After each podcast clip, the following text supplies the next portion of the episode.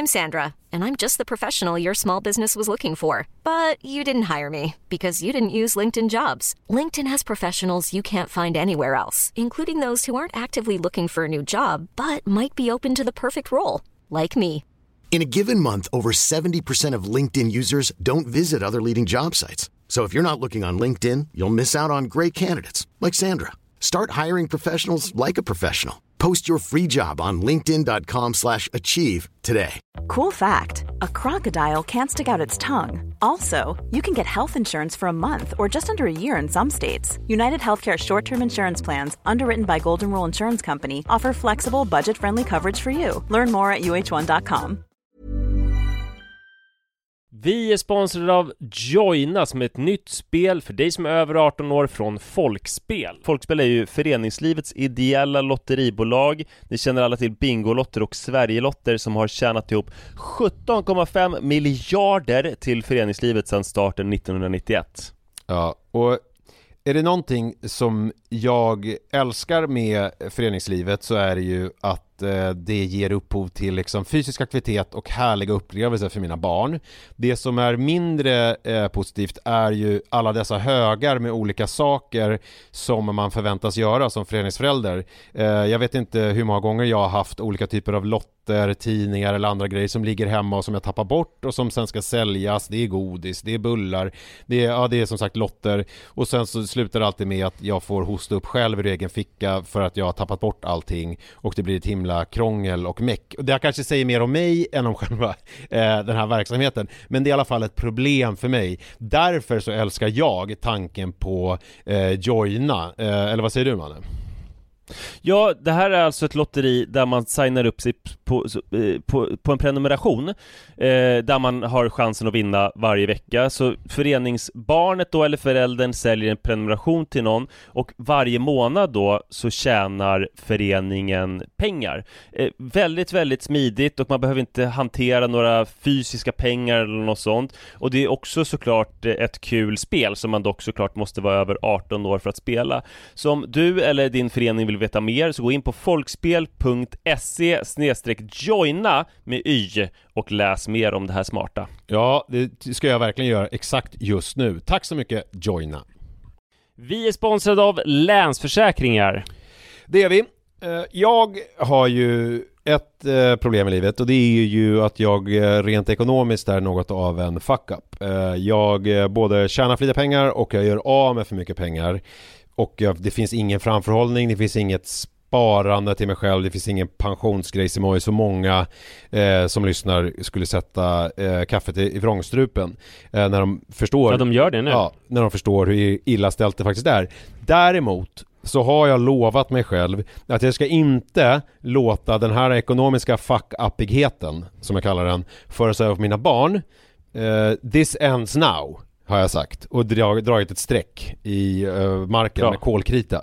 Eh, tatuerat in ett streck har jag gjort. Eh, och därför så sparar jag till barnen varje månad. Och vi har ett system, jag och Li, att Li sätter in pengar på ett konto varje månad och jag sätter in pengar på ett annat konto varje månad. Livet är föränderligt, löften bryts, men Länsförsäkringar finns där för alltid och kan hjälpa till, då bland annat med Barnspar. Vi tackar Länsförsäkringar för att ni hjälper Nisse och andra att hålla sina löften. Och eh, glöm då inte att Länsförsäkringar kan alltså hjälpa dig med bank, pension och försäkring. Tack så mycket!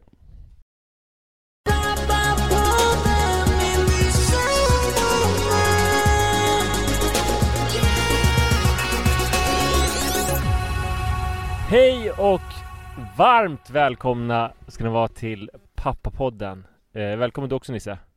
Du Ja, vill jag, jag, jag säger eh, tack eh, och jag bugar och bockar eh, för att du är här Manne och för att ni som lyssnar också är här. Bra gäng. Ja, eller hur? Eh, jag tänkte börja med att ställa en fråga. Vi pratade lite om det innan, ska man ju liksom erkänna, och du sa redan då att du så här, har svårt att bedöma vad du ens tycker om det. Men jag tänker att Ja. vi ändå kan kasta upp det, för det kan ju vara intressant för lyssnarna att tänka lite kring det. Mm. Erik, vet du vem Erik är? Erik Persson? Eh, nej, det vet jag inte. Eh, han kom alltså trea i årets VM i yoga. Är det sant? Alltså, det... Ja, okej, okay, ja, fortsätt. Mm. I början på juni, eh, det här är lite gammal artikel men jag... jag kom... Men vänta, för jag hittade, för jag googlade nu när du pratade om tävla yoga, alltså ja. vann Erik redan 2014 brons? Ja, eh, jag, jag, antar att det är liksom en gammal artikel jag hittat för jag... Jag, jag tror, det måste vara det, för det här var också i juni. Ja, men jag Eller hörde... så går alltid VM i juni. Nej men jag hörde, jag hörde, jag vet inte om det var Erik, jag hörde i alla fall en diskussion om det här på radion, om att tävla ja. i yoga. Och då så blev jag så fascinerad så jag började googla lite och då hittade jag då att mm. det finns en svensk då som uppenbarligen är väldigt ja, duktig ja, ja, ja, på okej, ja, jag fattar. Ja. Du eh. hittade eh. den här eh, grejen. Mm. Jag, vill, jag vill kolla hur det har gått för dem efter det. Har han fortsatt eller blev han liksom skammad i olika radiosändningar då? Uh, nej det vet jag inte. Han är ju väldigt uh, flexible uh, i alla fall, ser man på bilderna. Ja, verkligen. Men, men jag...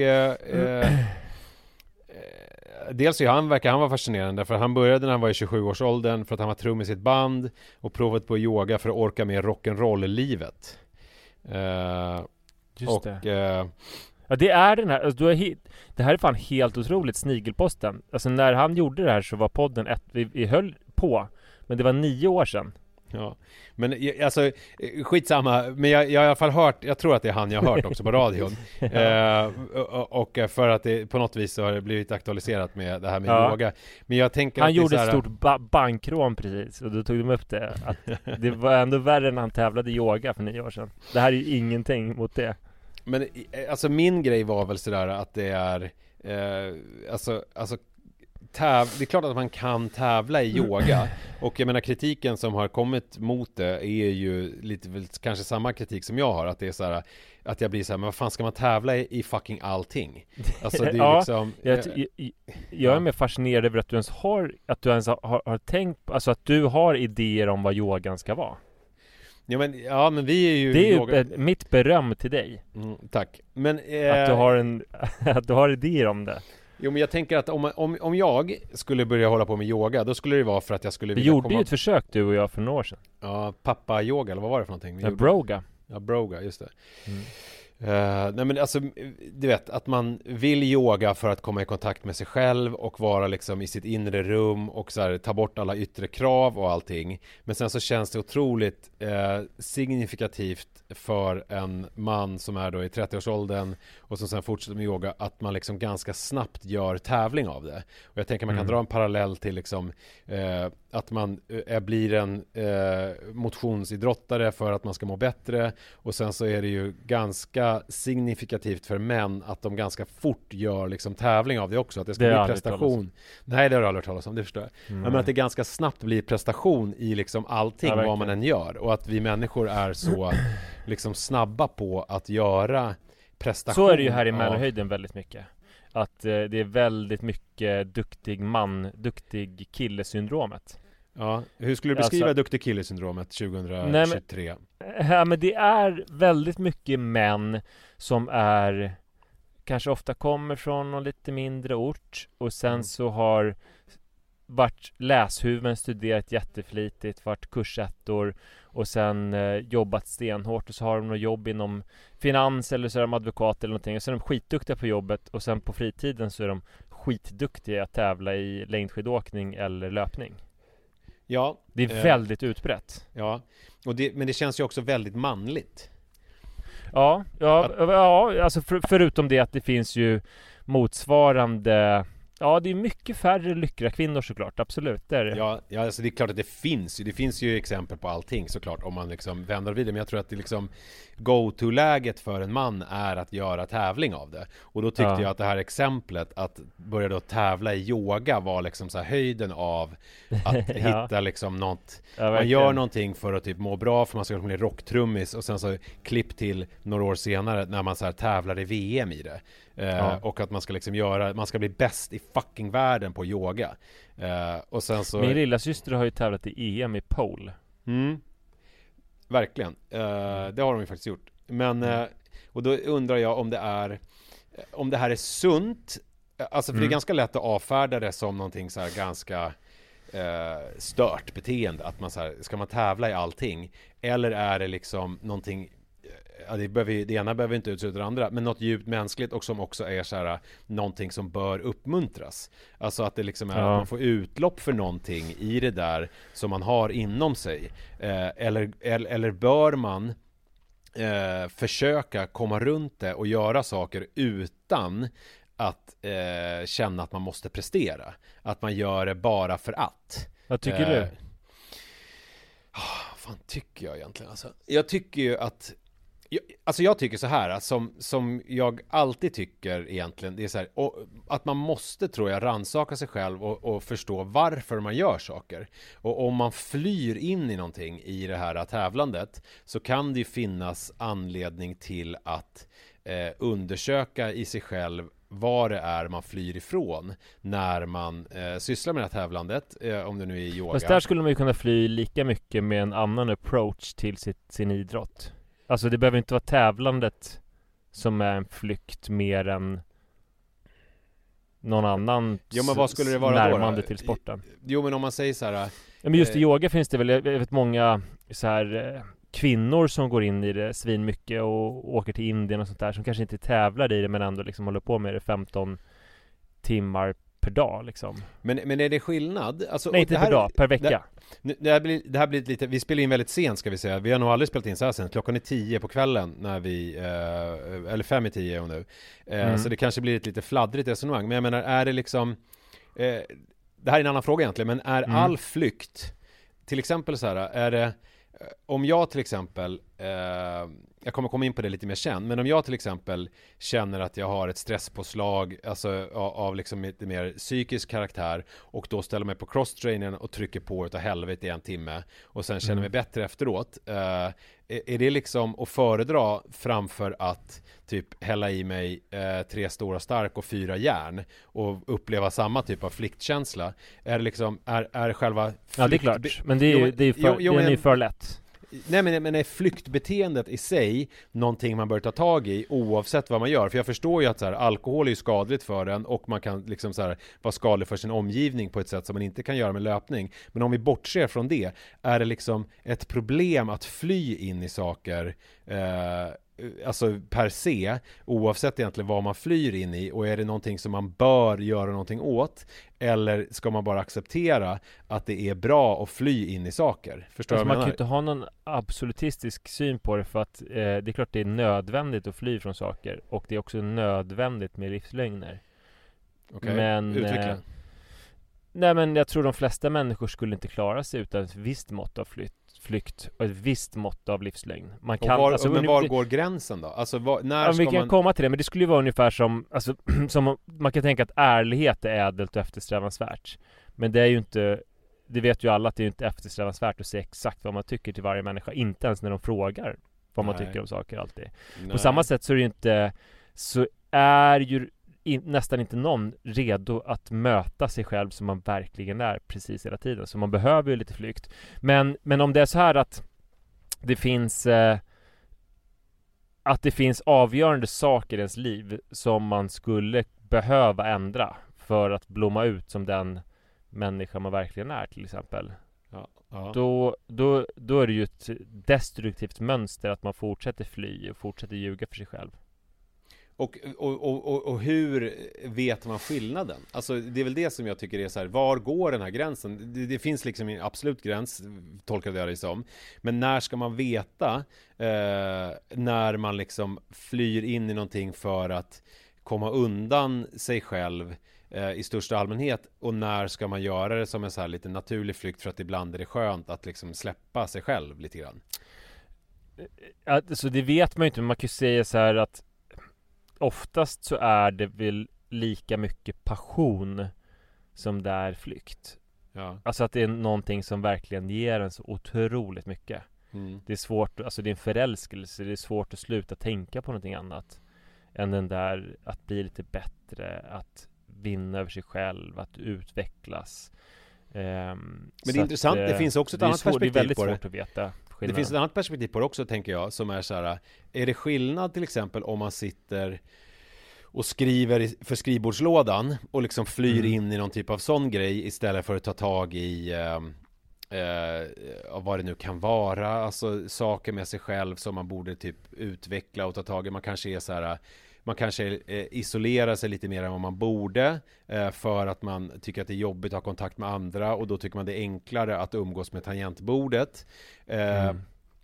Och om man gör det, men, men liksom är inte speciellt talangfull eller visar inte upp det för någon eller om man är exempelvis då en typ Ulf Lundell eller inte vet jag Håkan Hellström eller någon som liksom ger andra eller ta någon eh, Nils van der Poel eller någon sån här idrottare som gör saker som liksom andra får utbyte av eh, när de då ändå håller på och flyr ifrån någonting i sig själva. Eh, är det liksom är, är det att föredra att man gör någonting som då till exempel då vinna, komma trea i yoga-VM Är det liksom bättre än att bara hålla på och yoga 16 timmar om dagen utan att så att säga eh, få, få någonting utav det? Att till exempel att vi sitter och pratar om det. Att bara att vi sitter och pratar om den här Erik-personen gör, berättigar det hans liksom tävlande i yoga på ett sätt att man men bara kanske, skulle... men jag tänker också på det här med att man alltid tänker att de som håller på med någonting passionerat att de, att de skulle fly. Alltså det, man kan tänka sig att när Erik satt och trummade eller om någon motsvarighet Erik sitter på ett skrivbord och attesterar fakturor så kanske det är en flykt från att blomma ut som den här yoga-tävlingspersonen. Ja. Eller hur? Det kan ja. ju lika gärna vara det som är den sanna Erik som inte ja. flyr från sig själv och tar liksom konsekvenserna av att han är som han är. För sen så ja. startade han en Bikram-studio, slutade tävla och mm. frodas i den. Mm. Det blir Bikram som var hans grej verkar det som. Men, Men en annan sak som jag tänkte på Eh, nu glömde jag helt vad jag tänkte på. Det, jag tänkte på många olika saker. Det var jätteintressant fråg, eh, intressanta frågeställningar som öppnades upp där tycker jag. Jo men, eh, och det är ju fascinerande för jag, för, för jag brottas ju personligen med så här, var går gränsen mellan att så här, fly på ett destruktivt sätt och faktiskt, alltså för att slippa undan sig själv eller andra. Man kan ju ta ett exempel. Du, nu kommer jag på det. Det. Alltså, man brukar ju prata om ibland i så här i, i träning. Ska man hålla på med det som man, ska man träna på det som man är dålig på eller det som man är bra på? Ja, just det. Eh, I tennisen så är, det ju, eh, är ju konsensus att man ska utveckla det man är bra på och bara underhålla ja, det man är dålig på. Precis, mm. och, och, så tänker jag nog, så, så pratar man nog enligt inom konditionsidrott också. Och då kanske det är liksom att Ja, den där personen sitter och skriver för skrivbordslådan eller på Österlen och skriver för världen Kanske borde beblanda sig med folk Men den har en fallenhet för att skriva fantastiska grejer för brevlådan eller i böcker som ges ut Och därför så ska den göra det, för det är där den ändå förverkligar sig själv mest. Men finns det ett egenvärde i att utmana sig själv? Ja, det tycker jag i och för sig att det gör. Ja, för att jag, jag tar ju upp det i min bok. Bara för att det, min egen erfarenhet är att, att, eh, att kickarna brukar bli så pass mycket större då. Ja, men i min bok så tar vi upp det, för då pratar jag med en, eh, en forskare, eller han är inte forskare, han är rådgivare på Uh, nu ska vi se, jag kommer inte ihåg riktigt nu exakt vad organisationen heter men det är alltså uh, en organisation som är, står både på liksom arbetsgivaren och arbetstagarens sida. Så att de hjälper arbetstagarna när arbetsgivarna måste göra en omorganisation så att arbetstagarna blir typ uh, överflödiga och måste gå vidare. Och de hjälper arbetsgivarna att undvika det och göra det så smidigt som möjligt. Och han pratar i alla fall, Trygghetsrådet heter det nog ja. Mm. Och han pratar ju mycket om det här med att utmana sig själv och det är ju i grunden någonting positivt. Det tar alla de här olika forskarna upp i min bok, vare sig de är hjärnforskare eller eh, näringsfysiologer eller vad de nu kan vara. Att, man, att det handlar hela tiden om att flytta fram sina gränser och utmana sig själv för att det tränar hjärnan och det skapar liksom eh, fler synapser eller större muskler eller vad det nu är som gör att man liksom klarar av eh, livet och eh, vardagen bättre. Och då är det väl kanske, alltså där kanske inte det är lika enkelt att applicera det här resonemanget att man ska träna på sina styrkor enkom. Kanske inte går att överföra i ett resonemang om livet som helhet på samma sätt som det går att göra om man sysslar med exempelvis en idrott eller om man har en jättefallenhet för yoga men man är jättedålig mm. på sociala tillställningar.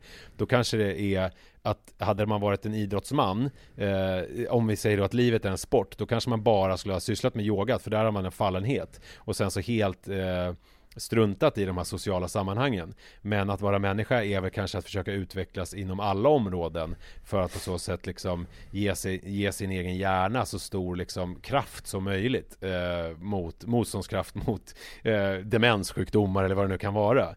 Eh, så på så sätt så kanske det inte är eh, Nu hamnar vi rätt långt ifrån det här med huruvida det är okej att, att tävla i yoga men eh, Alltså jag landar nog i lite grann att man kanske inte bara Jag, jag tror att det är så här tror jag nog Det är jätteviktigt att formulera sig själv vad man är duktig på Så att man förstår Det här är mina styrkor i livet.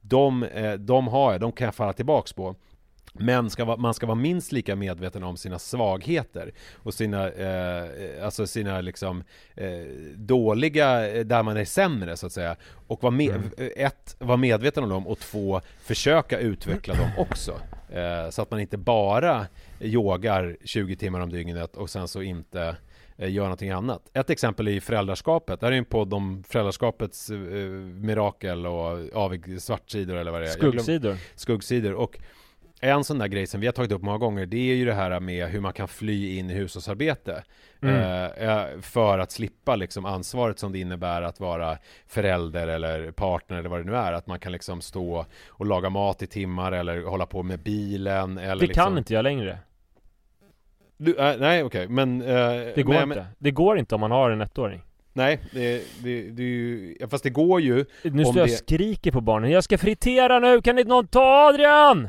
Jo men eh, det bygger lite grann på att man Fan, har en partner. kryper, du, det skvätter ju olja liksom överallt. Jo men jag tänker på ett exempel som vi hade som jag kommer ihåg tidigt. Det var ju så här hur jag tyckte att det var så skönt att bära upp alltså vinterdäcken på vinden. Alltså en sån här, att få, och liksom att få vara på vinden och vara i fred. Alltså nu är det ett lite gulligt exempel i sammanhanget Men att det liksom är, det bygger på Det där, det skulle det inte... där var ungefär som när uh, Musse Hasselvall Gjorde en sån här I have i metoo, så här, jag har gjort grejer. Ja Där han berättar att han har uh, en gång när hans flickvän stod och diskade.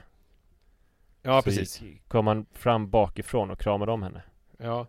Och Jo, men- hon var inte alls sugen på en kram. Han Nej hon ville, hon ville vara i fred, hon höll på att flytta in i Mm. hushållsarbete Jo men jag menar det bygger ju på, alltså att jag kunde Alltså gå upp med någonting som däcken ett bekänn, en bekännelse som är gullig liksom Så. Jag menar om jag, om, jag, om jag går upp med däcken på vinden eller om jag går ner i tvättstugan och manglar dukar eh, så bygger det på att någon annan har hand om ettåringen. Jag kan inte, du kan ju inte lämna ettåringen och fritera utan då måste ju eh, Sara eller något äldre barn ta hand om Mm. ettåringen under tiden. Och det är det jag menar, det går ju inte om man är ensam ansvarig så kan man ju inte fly på det sättet. Då blir det Nej. ju jättekonstigt. Eh, men om man vet med sig att man alltid flyr in i varje investation i däckbyte eller i eh, eh, tvätt, eh, dukmangling och sådär för att slippa undan så kan, kan ju det vara någonting som man kanske måste jobba med. Att man, även om man som par är så här, ja men jag är jätteduktig på att tvätta och eh, min partner är jätteduktig på att vara med barnen. Då kanske det ändå är någonting som man bör försöka göra någonting åt. För, inte bara för barnens skull men också för sin egen skull. För man måste liksom tränas i eh, de där andra eh, egenskaperna så att säga. Eh, mm. Mm.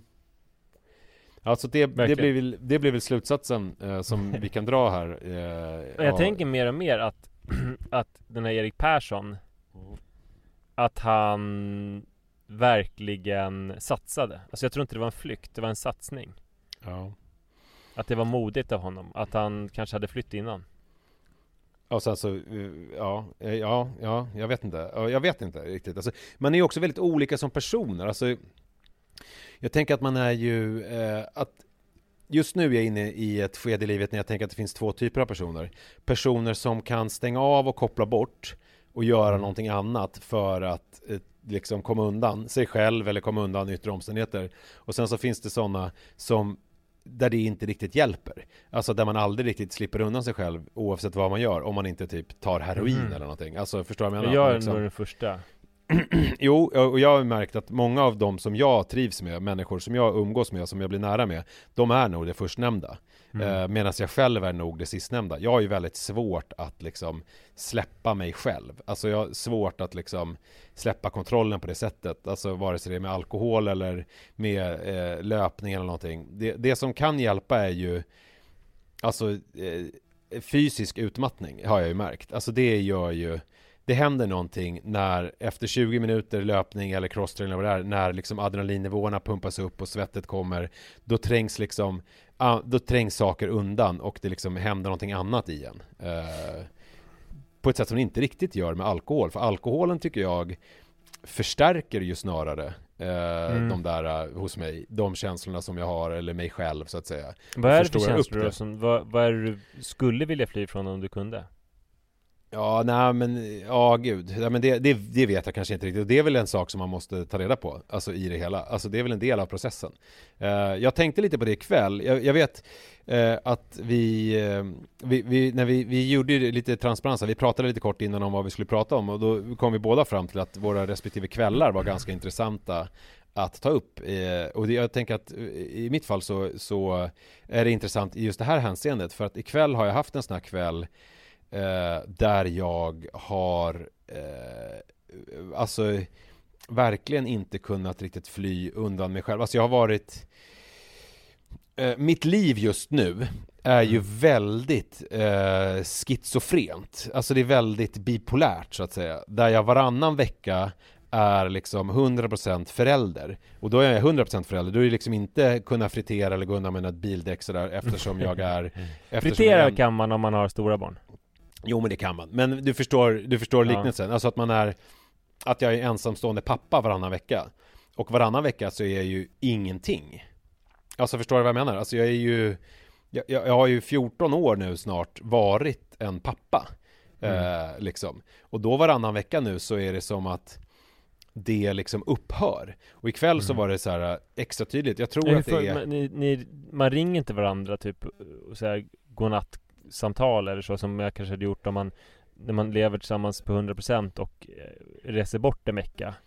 Nej Det här blir alltså, någonting annat. Ja, nej men man gör inte riktigt det. Alltså, utan det blir ju lite grann att man eh, kopplar bort eh, för att eh, I början så var det väl för att det är ganska skönt eh, mm. Alltså att liksom eh, Att koppla bort och att liksom någon annan tar ansvaret och jag kan liksom fullt ut ägna mig åt liksom I mitt fall då skörlevnad på något mm. vis. Alltså liksom att man, att man att man ja, flyr bort i någonting. Eh, om det nu är liksom att man kan då då kan man ju med gott samvete bara stå på crosstrainern i en timme, en och en halv och sen basta i 45 minuter utan att någon överhuvudtaget bryr sig. Eller så kan man gå ut och supa skallen i bitar och komma hem vid tre utan att man liksom behöver tänka på att man har ansvar. Jag följer dig på Strava så jag vet att det första har du inte gjort på väldigt länge. Nej, en och en halv timme har jag inte gjort.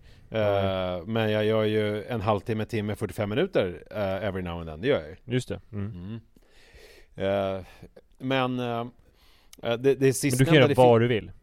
Det finns liksom ingen app för alkoholintag och Nej. skörlevnad. Jo, det finns i och för sig Be Real och så finns det Instagram. Och där ja, vet det, menar, alltså där, det, det, fall skulle... sällan man ser det utan någon enhet. Ja, nej, nej så är det Men jag menar det är ju skillnad när man på Strava För er som inte vet det så är Strava liksom som Instagram för eh, löpare kan man säga. Och där loggas ju allting. Alltså pulsnivåer, längd. Alltså det är väl sådana fall om det skulle finnas en app där det är så här promillehalt Antal enheter, hur länge man har hållit på När man, kom i, när man kom i, i säng och så vidare. Det skulle, det är en sån app finns ju inte än. Eller kanske finns, det vet jag inte. Men inte som jag vet om i alla fall. Nej. Um, och, men du då... skaffa den då så jag kan följa dig? Men då ikväll har jag haft, och det, jag tror, det är nog första gången på väldigt, väldigt länge som jag haft en kväll när jag liksom har varit själv. Förstår du vad jag menar? Att jag har liksom mm. varit själv med mig själv. Och jag har också gjort ett experiment, att jag här, har inte heller fått logga in på sociala medier. Jag har liksom inte fått kommunicera. Jag har inte gått så långt att jag ställt mobilen på liksom stör ej så att jag, alltså om någon skulle ringa eller smsa så skulle jag märka det. Men det gör ju inte folk så ofta utan den kontakt man har med folk är ju oftast på sociala medier. Eh, på många, alltså de här lite mer ytliga kontakterna man har. Eh, det är sällan det typ ringer på kvällen sådär Som det kunde ha gjort förr i tiden. Utan om någon vill någonting så kanske de skickar iväg någonting, något meddelande på Instagram eller på Snapchat eller på uh, Ja, någon annan. Ja, det är väl de två uh, som jag uh, är aktiv på för tillfället. Mm. Men um... There's never been a faster or easier way to start your weight loss journey than with plush care PlushCare accepts most insurance plans and gives you online access to board-certified physicians who can prescribe FDA-approved weight loss medications like Wigovi and Zepbound for those who qualify. Take charge of your health and speak with a board-certified physician about a weight loss plan that's right for you. Get started today at plushcare.com slash weight loss. That's plushcare.com slash weight loss. plushcare.com slash weight loss. I'm Sandra, and I'm just the professional your small business was looking for. But you didn't hire me because you didn't use LinkedIn jobs. LinkedIn has professionals you can't find anywhere else, including those who aren't actively looking for a new job but might be open to the perfect role, like me. In a given month, over 70% of LinkedIn users don't visit other leading job sites. So if you're not looking on LinkedIn, you'll miss out on great candidates like Sandra. Start hiring professionals like a professional. Post your free job on linkedin.com slash achieve today. Eh, då har det varit ganska intressant att bara stänga av och liksom se vad som händer lite grann. Och det är ju, alltså, det är, det är ju, det är väl det som är lite jobbigt, för det är ju lite läskigt nästan. Alltså, det blir liksom, det blir så jävla tyst och så jävla ensamt. Och så, förstår du vad jag menar? Att det liksom blir, det blir ju, eh, eh, Eh, alltså det, och, och, speciellt tror jag också när jag ställer relation till det otroligt hektiska som man har ja. annars då varannan vecka när man liksom är mitt uppe i det och det bara snurrar på allting. Och man ska göra liksom tre frukostar på morgonen och man ska liksom se till att alla barn kommer iväg. För att även om jag då har ganska stora barn så är de ju ändå så pass att man måste liksom hålla lite koll på dem, man måste väcka dem, man måste kolla att de har med sig sina gympakläder. Eh, det är liksom läxläsning, det är, ju, det är ju saker som pågår hela tiden som gör att man eh, inte riktigt har tid med sig själv. Eh, och då få sån här kväll när man bara helt plötsligt är ensam. Det är ju eh, rätt speciellt och väcker ju en del tankar i en som är ganska oformulerade och som är liksom svåra att ta på. Och, jag, och, för mig så väcker det väl kanske så här känslan också så här, vem är jag? Jag kan uppleva ibland att jag har typ som en distansrelation till mig själv. Eh, och mer och mer nu, att jag liksom har Varannan vecka så är jag liksom pappan eh, och, då, och sen varannan vecka så är, har jag den här relationen till mig själv bara. När jag som liksom är den som står i fokus. Uh, Vad har du gjort? Du, du har kört lite crosstrainer idag? Ja, det gjorde jag. Och sen så har jag, jag har tidigare varit och hämtat lite sista grejerna, eh, eller sista är det väl inte, det tar väl aldrig riktigt slut, men jag var, jag lånade en bil tidigare och eh, i veckan och körde hit lite grejer från Li. Eh, så jag har plockat lite med det och hållit på lite och fixat. Men ganska mycket, och det är väl så här, det är väl hur jag är som person, ganska mycket så blir det att jag mest sätter mig ner och stirrar. Förstår du vad jag menar? Att det mm. liksom är eh, Och det har jag också märkt. Hur någon enhet idag? Eh, jag har druckit folköl. Mm. Peter Bratt. Folköl ja, och vape. Precis. Jag tänkte det exakt Peter Bratt att mm. du kan inte liksom komma undan med att säga folköl i obestämt antal som att Nej. det var oskyldigt när man vet jag, att han...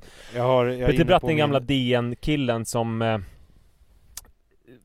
var med och avslöjade IB-affären. Mm. Exakt, ja. Och som eh, Vad var det han gjorde sen då? Som, där han hade helt rätt det var, han gjorde väl något avslöjande som var det som gjorde att GV skulle skjuta ja, sig med, i munnen. Ja, han var ju med och det här hela den här soppan med bordellhärvan va? Ja, precis. Det var det det var ja. Och han, men... Då fick han ju på han, tafsen av eh, eh, Olof Palme och DN eh, Det tog avstånd från honom och, och avslöjandet. Ja. Och då eh, Gallup, alltså, och då fick han jobba på DN på stan Som väl var liksom nystartat och det lägsta, den lägsta kasten Alltså såhär nöjesbilaga mm. Och eh, inledde varje morgon med att dricka ett, ett sexpack folköl mm. till frukost i garaget mm. Vilket ändå eh. är tre liter mm. dryck med kolsyra Jag är ändå är inte riktigt där ännu för jag är inne på min andra 33 centiliters Mariestads Ja men det är bra Ja, så det är ju liksom inte Det är ju inga, är inga, inga sådana mängder Jag ska dricka Nej. Då ska jag dricka 10 till sådana 33 centiliter innan läggdags det tror jag inte jag kommer palla Och jag har inte ens så mycket hemma Så att det blir det svårt eh, Oavsett hur jag än vrider och ja. på det Men eh, eh, Nej men det Det är ju jävligt fascinerande det här Varför träffar att, du inte din fjälla ikväll då? Uh, nej men alltså man gör väl inte det jämt Alltså man nej, kan inte, nej, det, det, Jag försöker också vara så här rimlig att man så här, det ska mm. man väl inte göra hela tiden Heller så att säga uh, på något sätt. Hur många sådana här kvällar har du haft då du har varit helt ensam? Nej men det är ju det, är det, det, är det jag inte haft Jag har ju inte haft nej. det Alltså och jag, jag tror att det börjar hända någonting i mig nu också Att jag börjar landa i något i det här Jag har tänkt på det ganska mycket nu de senaste veckorna Hur krocken i mig Alltså det som tidigare var så otroligt skönt Att få Mm. bara kasta loss varannan vecka Och bara ge sig hän och sen varannan vecka vara pappa Nu börjar det bli mer och mer Alltså splittrat Att jag liksom börjar Jag börjar känna att jag måste på något sätt eh, Jämka ihop de här två världarna. Att det kan Mm. inte vara så svart eller vitt. Och då kanske det som du var inne på Att, så här, att man ringer och säger godnatt Eller någonting Eller att man har någon typ av sån där Lite mer normal relation till sina barn eh, Även de här veckorna när man inte har dem eh, Är rimligt att anta. Eller att man också, som i lördags gjorde jag faktiskt Det var ganska trevligt. Då hade jag Eh, då, det var också så här att jag eh, var på gymmet, eh, jag var liksom, det var lördag, jag skulle ha barnen, man, jo, mannen var borta någonstans, Jojo var med sin kusin och så kände jag så här att jag inte ville ha en ensam kväll hemma bara med barnen. Alltså förstår du vad jag menar? Att jag så här, jag, att för att, jag menar när man är i ett parförhållande då kan man ju ha en middag. Även om man har barnen, förstår du vad jag menar? Mm. Alltså så här, men det har blivit, för mig har det blivit som att så här, varannan vecka är man bara med barnen och varannan vecka så gör man allt det där andra Men då Mm. ringde jag faktiskt en kompis, eh, min gamla tenniskompis Henrik, eh, bara spontant och bara Fan ska du komma över på en drink? Och sen så, han sa ja Och det var ju jättehärligt att så här, kunna liksom ha Jojo lekandes i ett rum med sin kusin samtidigt som jag och Henrik satt och Att det snackade gick skit. ändå att dricka enheter när barnen var, var med Ja, det har jag ju kunnat i många år. det, har inte, det har inte varit mitt problem. Eh, men det blir ju nej, men ändå lagom. Det blir ju Ja. lagom antal enheter på ett annat sätt när man har barnen hemma. Alltså då blir det ju inte Mm. att man är uppe till fyra.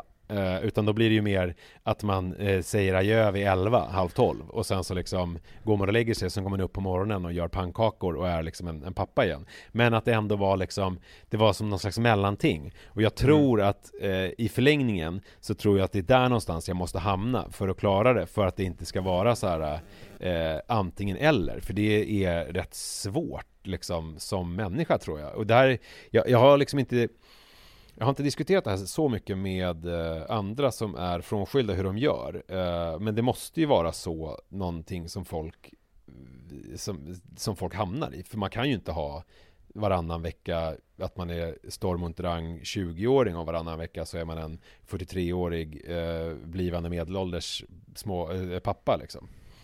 Eh, Nej Men vad du känner att du Vad är mest akut att fixa till då? Hur du lever på pappaveckorna eller de barnfria veckorna? jag tror att båda måste mötas. Ja Jag tror att det måste bli färre enheter de barnfria veckorna och fler enheter barnveckorna.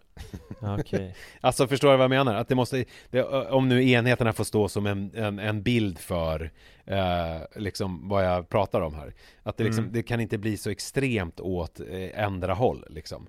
Eh, utan att det måste hitta någon, någon balans i det. Eh, Vad händer imorgon då? Nu har du varit ensam en hel kväll ja. Uh, imorgon, jag har nog, jag funderar på att eh, jag kanske kommer träffa fjällan eh, Mm. Men jag tänker att det ska vara en lugn kväll Alltså att man liksom gör vanliga lugna saker Man äter middag och kollar lite på TV och sen så går man och lägger sig Alltså att det liksom Mm. inte är en eh, Inte är liksom en eh, festkväll så att säga Nej, där verkar Mm. det väl lite speciellt just i relation För det finns ju många som dejtar eller liksom ny ihop Men inte festar varje gång de ses Ja men festar och festar, alltså det blir att man eh, sitter och käkar en middag och så dricker man ett glas vin och så blir det två glas vin och så blir det tre glas vin och sen så har man trevligt och så blir det liksom sent. Jag tänker att om man liksom, att om man inte, att det inte blir så, utan att man mer kanske, man kan ta ett glas vin till middagen men sen så diskar man undan och sen tar man en kvällspromenad och sen så kollar man på TV och går och lägger sig typ. mm.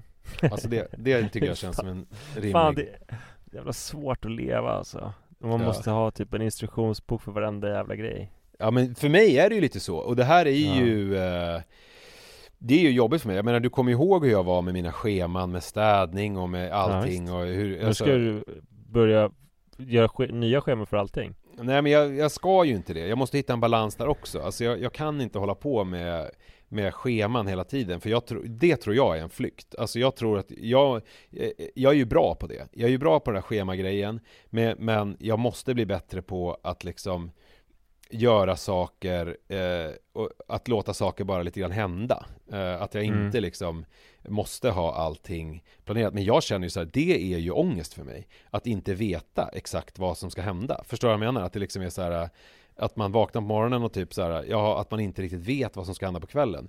Det var ju det som blev i lördags. Alltså då eh, hade jag ju inga planer, men sen så bara så kände jag så här, men jag känner ju det här och då liksom tog jag tag i det och, eh, och sen så blev det en trevlig kväll utan att jag hade planerat det i förväg så att säga. Så att det är ju också, finns ju också en, en eh, det finns ju också liksom någonting i att låta saker bara hända och låta det, alltså lite som i intervjusituationer så är det absolut bäst att vara tyst. Alltså ställa en fråga och sen vara tyst och låta eh, eh, den andra parten liksom prata. Istället för att man liksom har en agenda, man sitter och läser till från ett papper, man har, man har sitt upplägg och de här frågorna vill jag svar på, så lyssnar man inte och så känner man inte vad som händer, man tar inte in riktigt. Eh, och lite så tänker jag att det måste vara med livet också, att man liksom, att man stannar upp lite grann och lyssnar och ser vad som händer utan att man liksom bara planerar eh, hela tiden. Mm. Ja.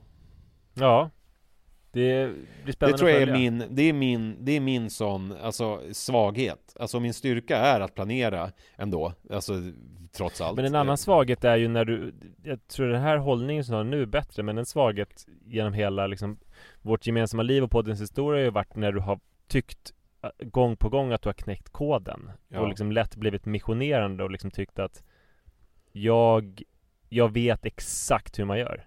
Ja, just det. Ja.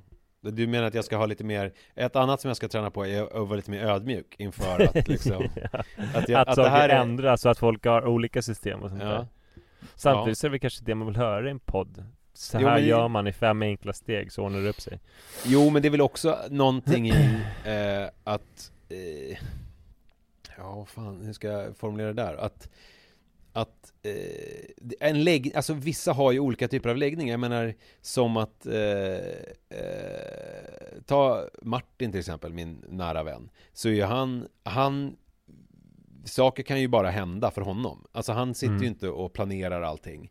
Och det går ju ganska bra. Alltså det är ju hans styrka. Medan han kanske skulle vara lite bättre på att planera då. Eh, Medan min styrka är ju att planera och vara on top of things. Eh, och då kanske det är bättre för mig att försöka utmana mig själv och träna på det andra. Eh, alltså då... Ja, om man nu inte ska utveckla sina styrkor. Jo precis, men, men det konstaterade jag ju att jag tror att i livet så gäller inte det i samma utsträckning som det gör om man är, eh, alltså om man idrott, idrottar så att säga.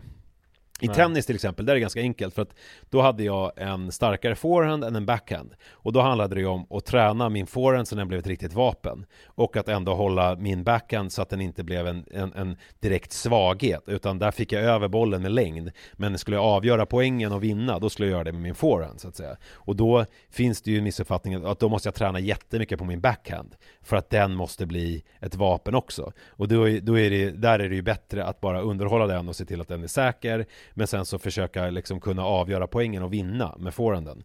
Men eh, så kanske man kan se ändå eh, hur det gick. Mm. Eh, det beror ju på, alltså jag kom ju aldrig upp på världstoppnivå. Men, eh, eh, men jag måste säga att min forehand var ju mer av ett vapen än vad min backhand var. Ja, det är bra. Eh, men då kanske är så i livet också då, att jag måste bli Alltså att, att, att vara spontan och så är min backhand. Och den måste ändå underhållas, jag måste ändå kunna.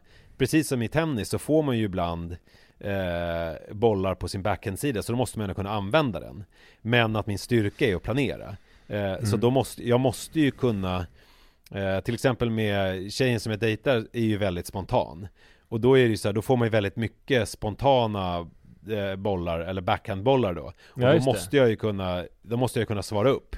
Men samtidigt är ju min styrka är ju att kunna planera. Och då kan man ju utnyttja det till att jag planerar saker som jag vet vi kommer ha liksom roligt av. Men jag måste också vara öppen för och liksom kunna eh, utveckla, till exempel som imorgon då, när du frågar ska du göra någonting imorgon? Vi har ingenting planerat. Då kanske min styrka nu är att försöka att inte planera det. Utan att bara mm. se vad som händer imorgon. Alltså, och liksom ta det som det kommer. Och så får man se lite grann eh, hur det blir. Jag minns att det där kunde vara lite svårt när jag var precis nyligen tillsammans med Sara, att det kunde vara liksom att jag skulle hänga och så hade jag liksom varit nere på Daglivs och köpt röding ja. eh, och sen så var hon på någon fest med Busta Rhymes så fick man åka till Busta Rhymes och visste inte, fick liksom klämma i sig två stycken rödingar Ja, att du, att du hade planerat Men hade du planerat tillsammans med henne att hon skulle komma och käka röding och sen så ändrade Nej hon jag tänkte, sig? väl- jag, jag tänkte väl att Ja men precis, vi ska kanske käka middag tillsammans liksom och sen så Mm. har jag någon ambitiös middagsplan Men så hänger hon med Busta Rhymes, så måste man Men minns du hur det gick till? Alltså var det så här, när fick du reda på att hon hängde på Busta Rhymes och när att det inte skulle bli någon röding? Hade du liksom formulerat för henne, imorgon ska vi käka röding och sen sa hon så här, nej nej, Nej, ska alltså jag hade inte den planeringshorisonten utan det var väl samma dag och sen så fick jag väl reda på när den nyligen hade stoppats in i ugnen att hon var på en förfest och att det var några som skulle träffa Busta Rhymes typ Ungefär så Men hade ni inte kommunicerat då under dagen? Utan då hade det bara varit För det tänker jag så här, det är väl det jag måste bli bättre på Att kunna köpa Ja. röding Och sen så stoppa in den i ugnen och sen så Ja. Men, men, men då, eh, kom, kan du minnas då om ni överhuvudtaget hade hörts under dagen då? Nej, nej men det gick ju inte Alltså Jo, kanske liksom Jag tänker på dig och så här Vad härligt det var igår typ så Men Ja. inte Inte liksom nu har jag köpt en röding Men när fick du då reda på Buster Rhymes grejen? Var det liksom att Ja men typ- vid femtiden Då Nej, senare, när hon var på förfesten Eller på afterworken kanske Ja men det är det här jag menar, det är det här jag måste bli bättre på. Att det, att det helt plötsligt uppdagas för dig att hon Men är på grejen är förfest. också, det finns ju en åldersaspekt. Alltså jag tänker ibland på min stackars lillebror. Han är ju 37 år gammal, Johannes. Mm. Fantastisk man, eh, men han börjar, alltså när man är 37 år och inte har några barn, eller oavsett om man har barn eller inte, så blir man ju ganska så här. Alltså man blir gubbe på ett sätt, man blir ganska stack Man, blir stack in, in one's ways liksom. Ja, Eh, Man lär sig olika sätt, man går upp i en speciell tid med sin speciella rutin. Jag tänker så här, fan vad jobbigt då att få barn för första gången Om man nu får det liksom snart när man är närmare 40 Och så länge har utvecklat sina gubbiga drag. Ja just det. Eh, Och då tänker jag att det var ju perfekt för mig Alltså som, alltså jag hade ju inte hunnit bli så gubbig fast jag är gubbig i själ och hjärta När jag var 23 år gammal som jag var då Ja just det så det var ju liksom självklart, hon hade ju liksom så här TF, tolkningsföreträde. ja. Att det är ju den som är på after work som glider över i att åka till Berns och träffa Busta Rhymes. Det är ju den som har tolkningsföreträde, inte den som har någon röding. Såklart. Nej, nej. Och som har köpt vin. Det är Ja, inte det. den som bestämmer. Nej. Ehm, men nu, om vi leker med den fruktansvärda tanken att jag skulle dejta någon nu. Mm. Det skulle bara vara helt fruktansvärt. På vilket sätt? Att jag skulle absolut inte vilja gå och träffa Busta Rhymes. Ja, just det. Jag skulle äta min fisk i relativ stillhet. Men då skulle du göra det själv då? Nej men ja, det skulle jag göra. Då skulle få dubbla portioner. Men, men, som, om, om, men om du dejtade någon som du faktiskt ville träffa? Ja, då skulle jag bli frustrerad. Ja Och det, och det är ju liksom rätt ocharmigt. Så det var ju bra att jag träffade Sara när jag var ung och ogubbig. Ja men hur skulle den här frustrationen Och yttra sig? Jag tänker att det är nog bra om jag aldrig träffar någon mer. För att jag är ju lite i den här situationen i och med att Och du är Eh. ännu äldre än jag, du är ju enormt gammal och gubbig. Ja, jo men och den, den som jag träffar är ju eh, Alltså både yngre på pappret men också är ju i, i eh, Johannes situation på så sätt att hon jag inte har några barn och har ju kunnat Nej. liksom eh, förfina sina eh, gummiga sidor då om man förstår vad jag menar eh, Och sitt sätt att leva Och sen Mm. så, alltså det, det, det blir ju en krock också Jo. Ja, verkligen. Ja, Ja, det blir, fan det är ju spännande. ja det, det är ju spännande Och det, livet är ju också spännande eh, Även om det är eh, mäckigt och jobbigt också Men sen så kan jag Mm. också slås av att det är så här Att vilka annorlunda eh, problem jag ställs inför nu Alltså jämfört med för ett år sedan Alltså Mm. hur fort det kan vända och hur annorlunda livet kan bli På en, Ja. lit- på en handvändning liksom och, att, och att det här är ju saker som jag konfronteras med som jag, alltså hade, som jag egentligen aldrig hade behövt konfronteras med. Och jag tror ju, alltså på sikt så tror jag att det är, är jättenyttigt för mig att, jag, att göra det och tvingas konfronteras med de här sakerna också. Ja, det eh. I det här utvecklingshänseendet. Så att, Kan man tävla i det? eh, man kan ju lätt tävla i tindrande, dejtande. Ja. Det skulle man ju verkligen kunna göra en sport av. Just det. Ja. Ja, ja men så att Ska det är man? sånt som jag eh, grubblar på. Men jag, jag flaggade lite för att vi hade haft lite olika kvällar. Eh, för som jag förstått det så har du haft en lite annorlunda kväll än jag, eller? Ja, alltså jag vet inte, ja, alltså det var väl att jag eh, först, alltså jag, jag Adrian är, är sjuk, Vad är han för sjuk? eh, eh, bara liksom typ förkyld och 39 graders feber. Och sen så tänkte jag att jag skulle göra en enkel couscous-sallad, så jag var och handlade lite ingredienser. Mm. Eh, men det, det blev liksom att jag skulle, sen så kom jag på att jag ska inte blanda ihop den här salladen utan separ- se- servera allting separat. Och då blev det liksom ändå så här 20 000 skålar med olika små tillbehör. Jag isade, Varför bestämde du dig för att du skulle eh, separera de olika tillbehören? eh, för Ruts skull. Ja, ja, ja, just det, just det, just det. Eh, Vänta, vet, men- vet du vad som händer nu? Att du gick omkring och gjorde någonting? Nej. Ja, men vet vet du varför jag gjorde det? Nej. För nu är, är Peter Bratt på ingång, nu är det tredje. Oj, okej. Du Mm. kunde inte vänta ens? Nej. Nej. Eh, ja, i alla fall så, det, det, det skulle vara, alltså couscous är bra för det tar fem minuter att göra. Men här så drog det iväg för att jag eh, då till exempel isade den finmandolinade rödlöken. För att den skulle bli mildare och mer krispig. Ja. Eh, och eh, så skulle jag fritera både aubergine och kyckling som jag hade marinerat. Okej. Och jag vet fan inte hur det blev så här för att det var ju absolut inte meningen att det skulle bli någon krånglig middag. Och sen så eh, höll men Adrian du, måste, på du var... måste ta oss tillbaka till vad som hände. Jag gick väl i affären och hittade lite olika grejer och tänkte aubergine var jättefin aubergine som kallas för graffiti aubergine Som har ljus i teckningen och spräcklig. Just det, Eh, kallas den för jag graffiti älskar- aubergine? Jag vet precis vilken det är. Ja, ja precis, den är ljus, lila och vitrandig. Eh, Graffiti aubergine Och jag har precis lärt mig att aubergine ska man först salta ur Men sen ska man vända den i vetemjöl och sen ska man fritera den. Det är då den blir bra. Okej. Och sen ska man pudra på lite spiskummin och eh, salt Mhm. Och jag har blivit besatt av det eh, Och sen så hittade jag kyckling och tänkte att det är godast att fritera kyckling också Ja. Eh, ja men det bara, det ena ledde till det andra men det, det ledde också till en väldigt så här, trist scen Att jag stod och skrek på Iris och Rut Att de skulle ta Adrian eh, för att jag skulle fritera Ehm, Och de tyckte jag var dum i huvudet Ja. Och ehm, Iris sa, du vet väl att ingen tycker om dig? det var så jävla hårt Alltså det var också så att Ett svagt ögonblick i mitt liv när jag Ville fråga Rut, är det sant att ingen tycker om mig? Men så kom jag på att det är det som är liksom en tonårings genialitet Att den kan få vinna en konflikt genom att säga någonting så dräpande som gör att Alltså det är så dräpande så att man förlorar liksom fotfästet Ja. Ehm, och känner också så här, om ingen tycker om i hela världen så är det väl ganska rimligt med tanke på att jag står och friterar och hackar och skär och skäller. ja.